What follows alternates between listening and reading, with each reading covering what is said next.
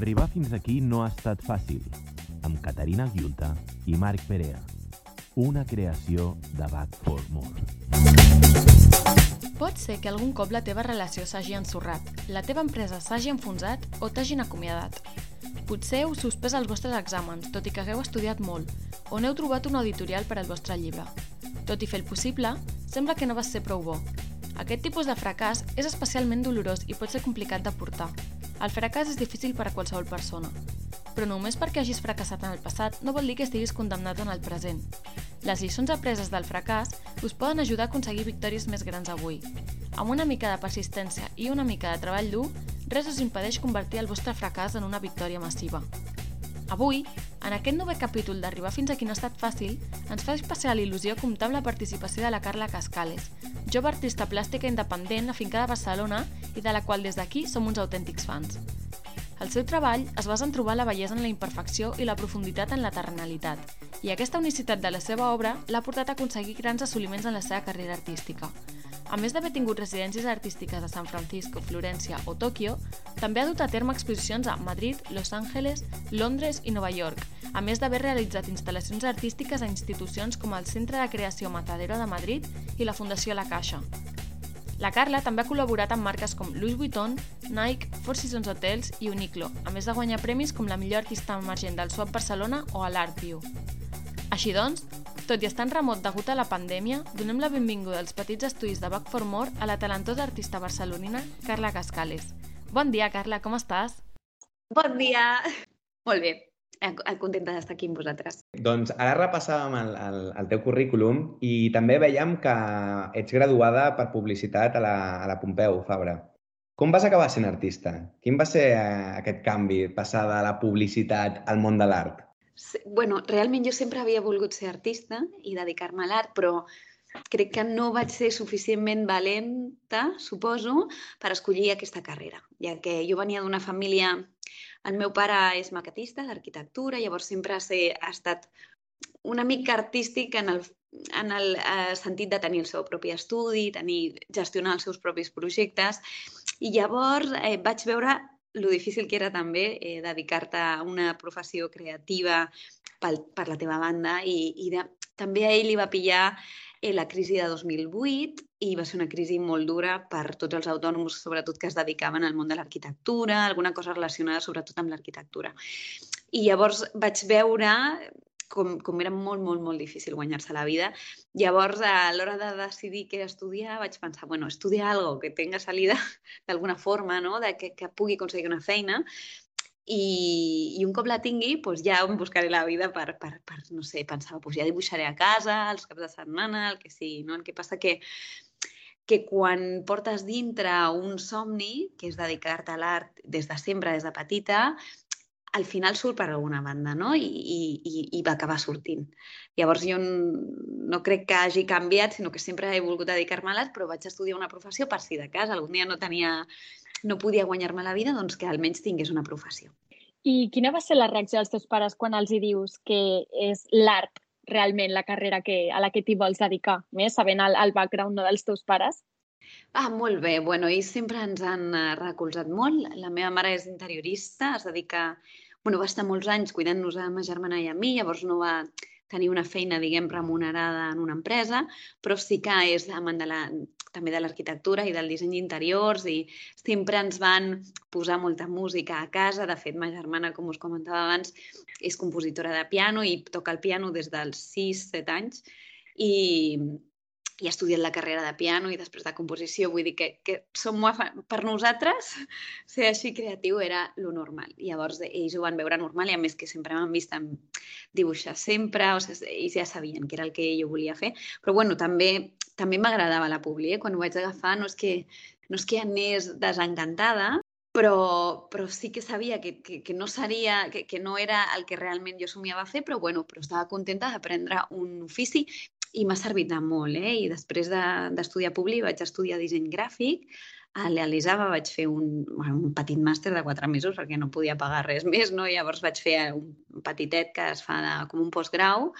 eh, de tipografia, de disseny editorial, de, de branding, era una miqueta així, una, eh, una, una mica reunia les, eh, les bases del disseny gràfic i que això també m'agradava. I després em vaig dedicar bastant de temps a fer il·lustracions per marques. Llavors era una mica apropar-me a l'art a poc a poc, no? de la publi passar al disseny gràfic, del disseny gràfic passar a la il·lustració i un cop ja que podia guanyar diners fent dibuixos, que era amb la il·lustració, ja per fi saltar a no tenir un client i a poder dibuixar el que jo volgués, que és més al món de l'art. I llavors ja doncs, depens una miqueta més de galeries i de col·leccionistes, però ha estat per mi un creixement bastant gradual i bastant orgànic. Llavors no és un canvi de, uah, dejo todo, que sí, perquè vaig deixar una feina, però, però ha estat gradual a, a través dels anys. Jo ara tinc 32 i, clar, des de que vaig estudiar, que és, és als 20, doncs ja passen 12 anys que ja aquest canvi es va fent gradual, a poc a poc. Ara de, parlaves d'aquest creixement gradual. Hi ha algun moment que sí que és cert que faci clic i diguis, ostres, ara sí que crec que m'hi puc dedicar això per sempre? Quan és aquest moment que et dones compte deies que començaves amb il·lustracions, just al sortir de la, de la carrera. Um, quin és el moment que tu vas dir ara sí que va en sèrio això de, de l'art? Sí, mira, que, us diria que encara no m'ho crec del tot, eh? O sigui, encara a vegades penso, ostres, perquè aquest any ha anat molt bé, però potser l'any que ve no va tan bé, perquè el món de l'art és, és molt fluctuant, no? I imagina't que tu estàs treballant en una sèrie de, de quadres i això no agrada i llavors pues, no, no t'ho compren i si no t'ho compren, com mantindràs la, teva, mantindràs la teva carrera, que després no passa, eh? I després... Però el clic, a veure, el clic que pensi, potser la primera exposició, potser la primera exposició que va ser a Madrid, va ser amb, amb WeCollect, amb una galeria d'allà, que van ser com els primers que van creure en la meva feina, i allà sí que un cop vaig entrar, com diguem, a la inauguració de l'exposició, vaig dir, ostres, esto, això, això ja està molt a prop de l'art, no? Però, però com és un camí gradual, doncs, tampoc te n'adones tant. Sí que recordo el moment en què jo estava treballant l'última feina que vaig tenir abans de dedicar-me eh, completament així al meu estudi va ser amb Inditex. Eh, treballava fent estampats, eh, la il·lustració dels estampats allà. I llavors recordo de, això es, es treballa en un polígon industrial que està a Tordera, és com a una hora de Barcelona i, i recordo de allà que al polígon pues, estàs molt ficat entre ordinadors i bueno, és maco, el lloc és molt maco, però no tens la llibertat de sortir, d'entrar, bueno, pues, estàs allà treballant i és un polígon, no és que diguis me voy a dar una vuelta, és que és difícil sortir d'allà. Llavors, bueno, recordo que vaig sortir, perquè estava una miqueta així com agobiada, vaig sortir com a donar una volta per el polígono i allà vaig dir, mira, jo la llibertat no se puede pagar. O sigui, allà vaig fer un clic de dir, ostres, o, o faig ara o faig aquest canvi que sempre he volgut fer, encara que, que jo era feliç allà eh? i vaig aprendre moltíssim a Inditex i jo estic molt agraïda a l'oportunitat que em van donar, però sí que vaig pensar, ostres, jo m'imagino el futur sent lliure, sent lliure de poder decidir sobre el meu temps i, i la meva feina i, i les meves hores i si estic o no davant d'un ordinador tot el dia i allà sí que hi va haver un clic. Un dia, eh, allà baixant a donar una volta allà al polígon, eh, allà sí. Eh, I això va ser doncs, amb 26, 26 anys, 26, 27, que vaig començar amb l'estudi. O sigui, ara fa 7, 8, 9, 10, 11, 12, doncs 5, 6 anys farà que estic fent només art, combinant-ho al principi, sobretot, amb moltes feines com a freelance de dissenyadora. Eh? No creieu que deixes una feina i ja ets artista, no, perquè guanyar-se la vida és molt difícil, no? I llavors doncs, feia mil feines, mil feines de tot. El que passa que el meu moment d'energia és al matí, llavors jo em dedicava al matí a fer feina d'art, i després de la tarda eh, tots els encàrrecs, ordinador, mails, tal, pues un logo, pum, pues feia. Però pues jo cogia todo, todo. O sigui, eh, un amigo que abre un restaurante que hazme un logo en madera, pum, el feia. O sigui, eh, tot el que em donés uns dinerets per poder dedicar-me a comprar material per l'art i, i, bueno, vi, viure d'una manera molt austera que això pots fer durant poc temps i al principi, quan tu il·lusió està aquí, és superalta, i llavors amb els anys la il·lusió va bajando perquè ja pues, te acomodes un poquito más i llavors els teus ingressos ja són més alts, no? I llavors jo crec que al principi tens aquesta energia tan, tan brutal de voler construir una cosa i, i llavors no t'importa res. I agafes feines i, i jo invertia tot, tot, tot, tot en fer art, tot el que tenia. I ara ja soy més conservadora. Que, no, aquesta feina no la faig, clar, us diu, un càrrec que no agrada, doncs ja no el faig, no? Però al principi jo ho feia tot, tot, tot, tot, tot, tot per poder, perquè era molt difícil poder mantenir un estudi, més quan fas escultura o pintura, els materials són supercars. Llavors, eh, i necessites aquest, eh, bueno, uns ingressos per poder comprar, encara que sigui el material que després utilitzaràs per pintar o per fer escultura o el que sigui. Perquè, bé, bueno, tant el Marc com jo hem estat mirant totes les teves obres i la veritat que, ostres, crec que mai abans havíem vist algú, algú igual, no? Vull dir, crec que tot el teu treball té una unicitat. Aleshores, tu vas tenir algun referent a nivell artístic amb el que et vas emmirallar al principi, al començar a definir una mica el que seria la teva obra? Sí, sí. Com a referents, per exemple, Noguchi és un escultor que m'agrada moltíssim i és un escultor japonès. Per mi, la, bueno, la cultura japonesa m'ha inspirat, inspirat sempre molt i per això una mica va ser fer aquesta residència a Tòquio. No? Llavors, jo el que he volgut agafar, a mi també m'agrada molt l'arquitectura, l'arquitectura del moviment moderno, que li diuen, em, que és aquesta arquitectura una mica de la Bauhaus, molt racionalista, de, una mica brutalista també, eh, d'utilitzar eh, materials nobles i, i pues, el minimalisme, també la corrent minimalista. Llavors, el que vaig fer és unir una mica les corrents que a mi m'agradaven més, tant d'arquitectura com de disseny, com pot ser l'escola Bauhaus, eh, com d'escultura, com pot ser l'escultura japonesa, o, i unir-la i fer una escultura pròpia, un estil propi. Però, però sempre és inevitable doncs, eh, tenir alguns eh, referents que jo crec que és interessant, perquè i pot ser interessant que no sigui un referent del, de la mateixa eh, corrent que tu et dediques, no? que ser una corrent una mica diferent i la transformes en tu. I a vegades tu intentes copiar alguna cosa, copiar o, o imitar un estil que t'encanta i és que és impossible fer-ho igual que aquell altre artista. No? Llavors allà, per exemple, Brancusi, no? a mi m'al·lucina i és dels primers escultors, ell era, eh, era estu no, estudiant, no, era, eh, treballava a, a l'estudi de, eh, de Rodin, ja sabeu l'escultor Rodin, doncs, d'escultura superrealista, i ell va fer una escultura totalment trencant l'estil de Rodin, i era ajudant del seu estudi, i va trencar amb això i va fer el seu estil propi.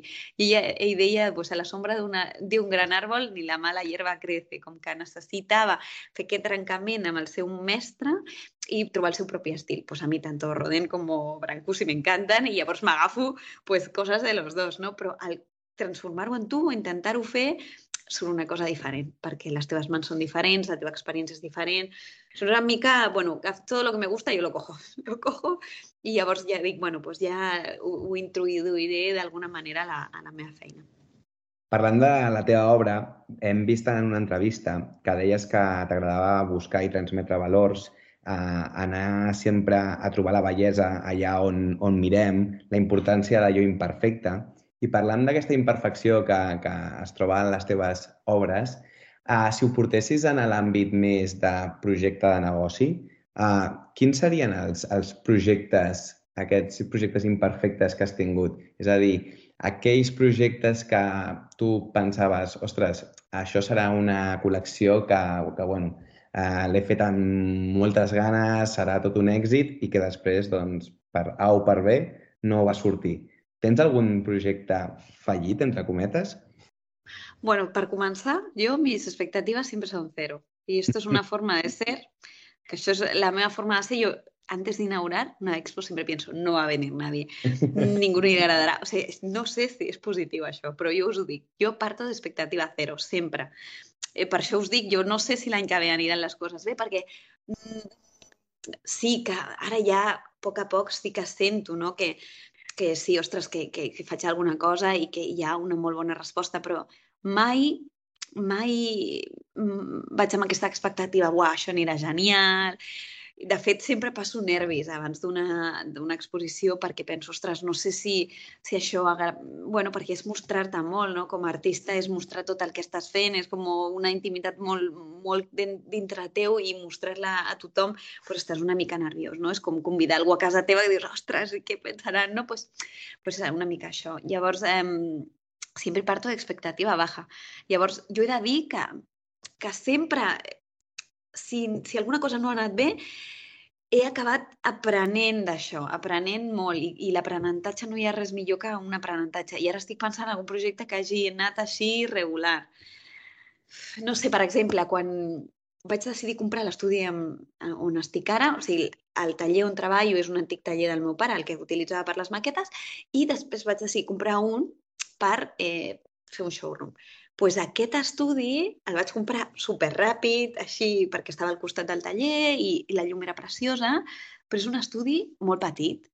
I llavors jo penso, ostres, Carla, pues, podries haver mirat millor i podria ser un lloc més gran, on podries fer inauguracions i que pigués més gent, però, però en el fons, el fet de que sigui petit també li dona una qualitat d'intimitat que és maco. Llavors, nunca, no crec que ningún proyecto sigue, sigue fallido. Es más, he aprendido este proyecto sí, y siempre aprendes. O sigui, el problema, el problema és no aprendre dels projectes que vas fent.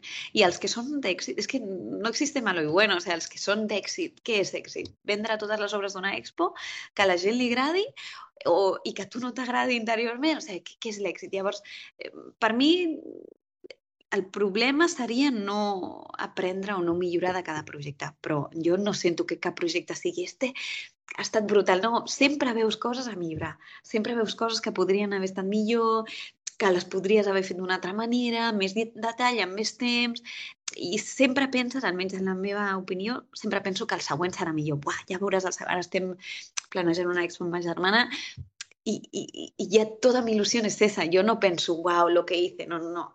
És wow lo que quiero hacer. I llavors sempre hi ha aquesta carrera de el següent serà millor. Llavors no crec no, mai mai que hagis de veure una cosa com, un, com una decepció, no? que, com he dit, com un, com un fracàs, mai. Que no existe, el fracaso no existe. Y los americanos son buenos en eso. Ells sempre eh, fracasarlo ven algo bueno. És más, si triomfes a la primera, els japonesos igual, eh? com triomfes ràpido, ho veuen fatal. De fet, si un japonès triomfa ràpido, eh, Hi ha algú, hi ha algú obscur per dintre.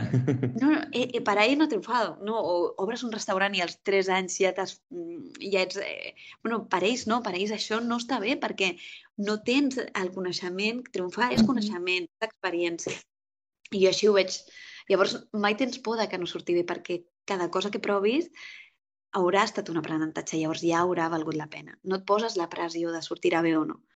Perquè abans, abans comentaves no, que quan tu estàs ensenyant la teva obra realment és algo molt íntim.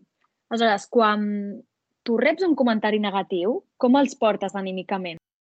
Ah, bueno, mira, no rebo gaires, eh? Per, per a lo que estoy en redes, que sí que penjo coses i eh, no en rebo gaires sí que he rebut algun comentari una mica masclista o, bueno, més que res, de, eh, de crucificació i tal, no? De, bueno, comentarios así una mica superficials i tal, però sí que afecten una mica, sí. Ai, a veure, algun comentari negatiu? Espera, estic, bueno, pensant, típica... estic pensant una miqueta, si tinc algun més exemple. La típica... Eh, sí, o... D'algun expert sí, o... que dius, escolta'm, eh, m'han fet aquest article que, que bueno, era la crítica de la meva exposició i, ostres, eh, no era el que m'esperava. Eh, M'ha dolgut, saps? Has tingut alguna, alguna mm, experiència d'aquest estil? No, de crítiques així negatives no. I d'algun comentari d'Instagram sí, però Bueno, la veritat és que no, no he tingut gaires així comentaris molt negatius i jo suposo que algú, si no li agrada la meva obra, ja directament pues, ja ni, ni la mira. Sí que hi ha gent que pensa potser que és massa simple, però esa gente a mi pienso, mira, si no sabes ver la, la belleza de la sencillez i la riqueza de la sencillez, entonces ho sento, però és que no és el meu target. Llavors ja, uh -huh. ja està. O sigui, és que realment no, no me meto mucho en política, no me meto mucho. Entonces, potser si m'impliqués més en temes de feminisme, coses així, potser sí que rebria més, eh? però no, no, no m'hi fico gaire.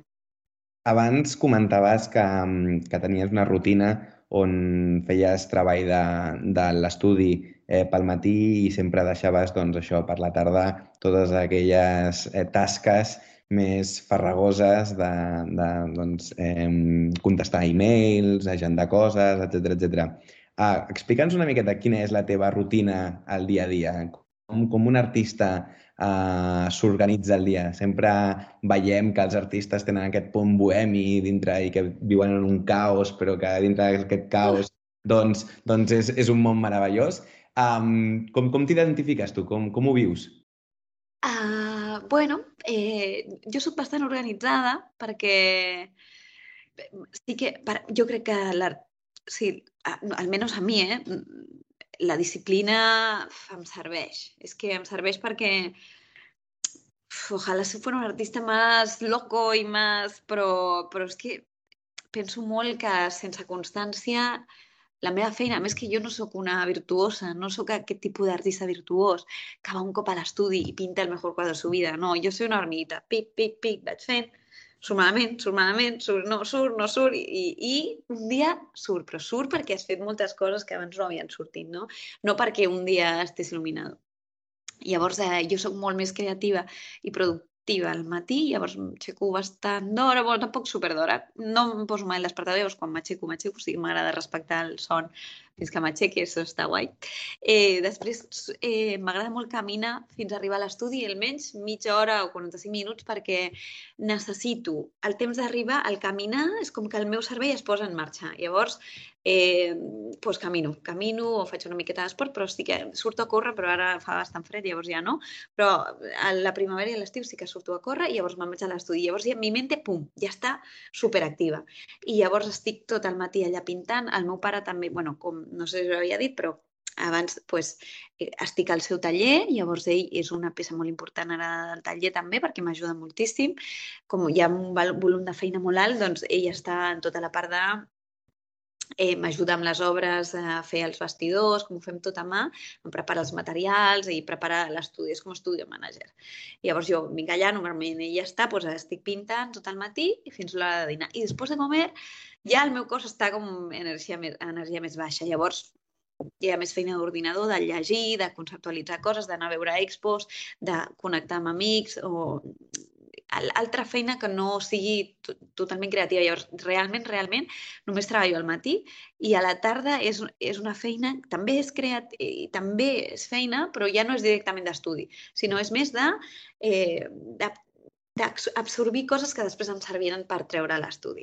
I, I és que a mi no, jo tot el dia a l'estudi no puc estar perquè no, no, si, jo no hi, si no hi luz natural ja no treballo bé, ja no, no, no em concentro bé. Alguna tarda estic, eh? però, però molt poques. O sigui, realment és un horari això, molt intens al matí, però ja us dic, sempre i cada dia vaig, i els caps de setmana pues, normalment també, i la ment sempre està connectada a l'estudi. És a dir, encara que estigui de viatge o eh, per les tardes no estic a l'estudi, però sí que estic pensant com faria això, com faria l'altre, vaig a veure una expo a veure si m'inspira, com eh, marcar este, com...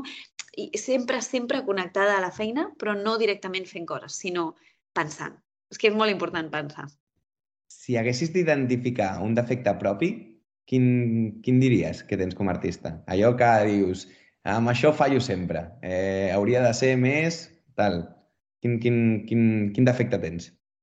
Bé, moltíssims, però pues, més pacient, per exemple, que no m'afecti si les coses van bé o no a l'estiu. Jo si un dia no ha sigut productiu, que estoy mal, ja dic, és que de veritat, és que això no sortirà, o sigui, que m'afecti menys. Si ha anat bé, que esté normal, i si ha anat malament perquè has fet unes proves, perquè estàs buscant el color que no trobes, que no m'afecti tant personalment. Jo soy càncer, llavors sóc ahí un remolino, ahí, ah, que bien, que mal, que bien, que mal. Mm. Llavors, eh, que no m'afecti tant.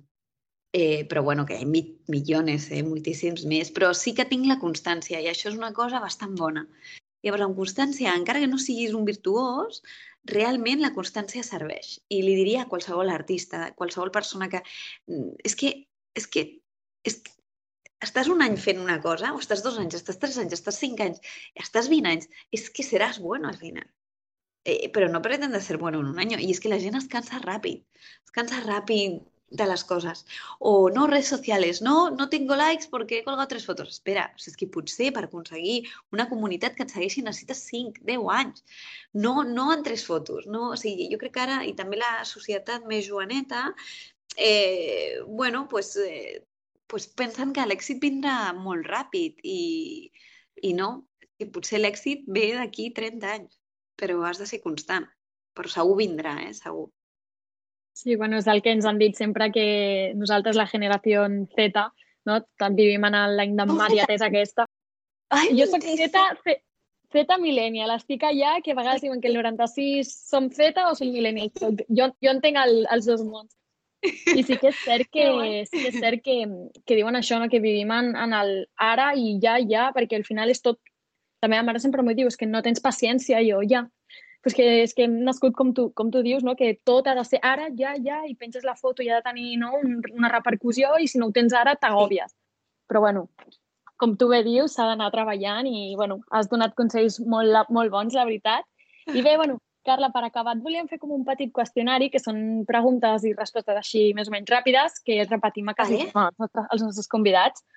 Eh, no et donarem gaire temps per respondre perquè han de ser àgils, ¿vale? Vale. Vale. Eh, primera, si no fossis artista, a què t'haguessis dedicat? Vale, doncs aquesta pregunta me la van fer eh, fa poc. Eh, jo crec que alguna cosa re- relacionada amb, amb, amb, amb con el hogar. M'agraden molt les cases, estar bé a casa, eh, potser alguna cosa d'interiorisme, de disseny d'espais, alguna així.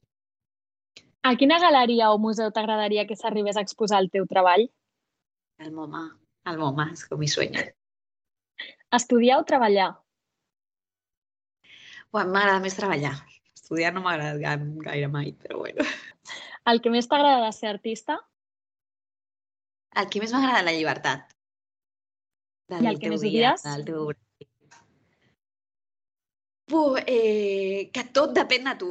Tot depèn de tu mateix. A vegades, quan tenim una feina en una empresa, pues, un dia tens un dia flojo, pues, tu estaves allà fent veure que estaves fent coses i a tu hora, pam, te ibas. No, ara aquí depèn de tu i, i realment no pots enganyar ningú perquè depèn de tu.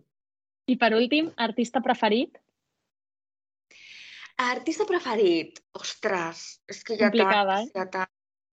Quiero elegir a alguien. Mire, voy a elegir a alguien poco conocido, que és Ligia Clark, que és una artista brasileira. Eh, la vaig descobrir fa poquet i m'impressionó. I a més, és d'una època on la dona, pues, hi ha molt poques dones a fer, a fer escultura i ella em va semblar impressionant, però hay millones que me gusten. Fantàstic. Super. Marc, vas tu? Ai, nois, moltes No, gràcies. tu, tu. Tanca tu, tanca tu. Ah, bueno. Doncs bé, fins aquí aquest novè capítol d'Arribar fins aquí no ha estat fàcil. De ben segur que heu disfrutat molt d'aquesta interessant entrevista i heu après nous conceptes del món de l'art de la mà de la Carla Cascales. Carla, ha estat un plaer poder escoltar-te. Moltíssima sort amb tots aquests nous projectes i espereu, esperem veure't ben aviat gaudint de les teves fantàstiques obres.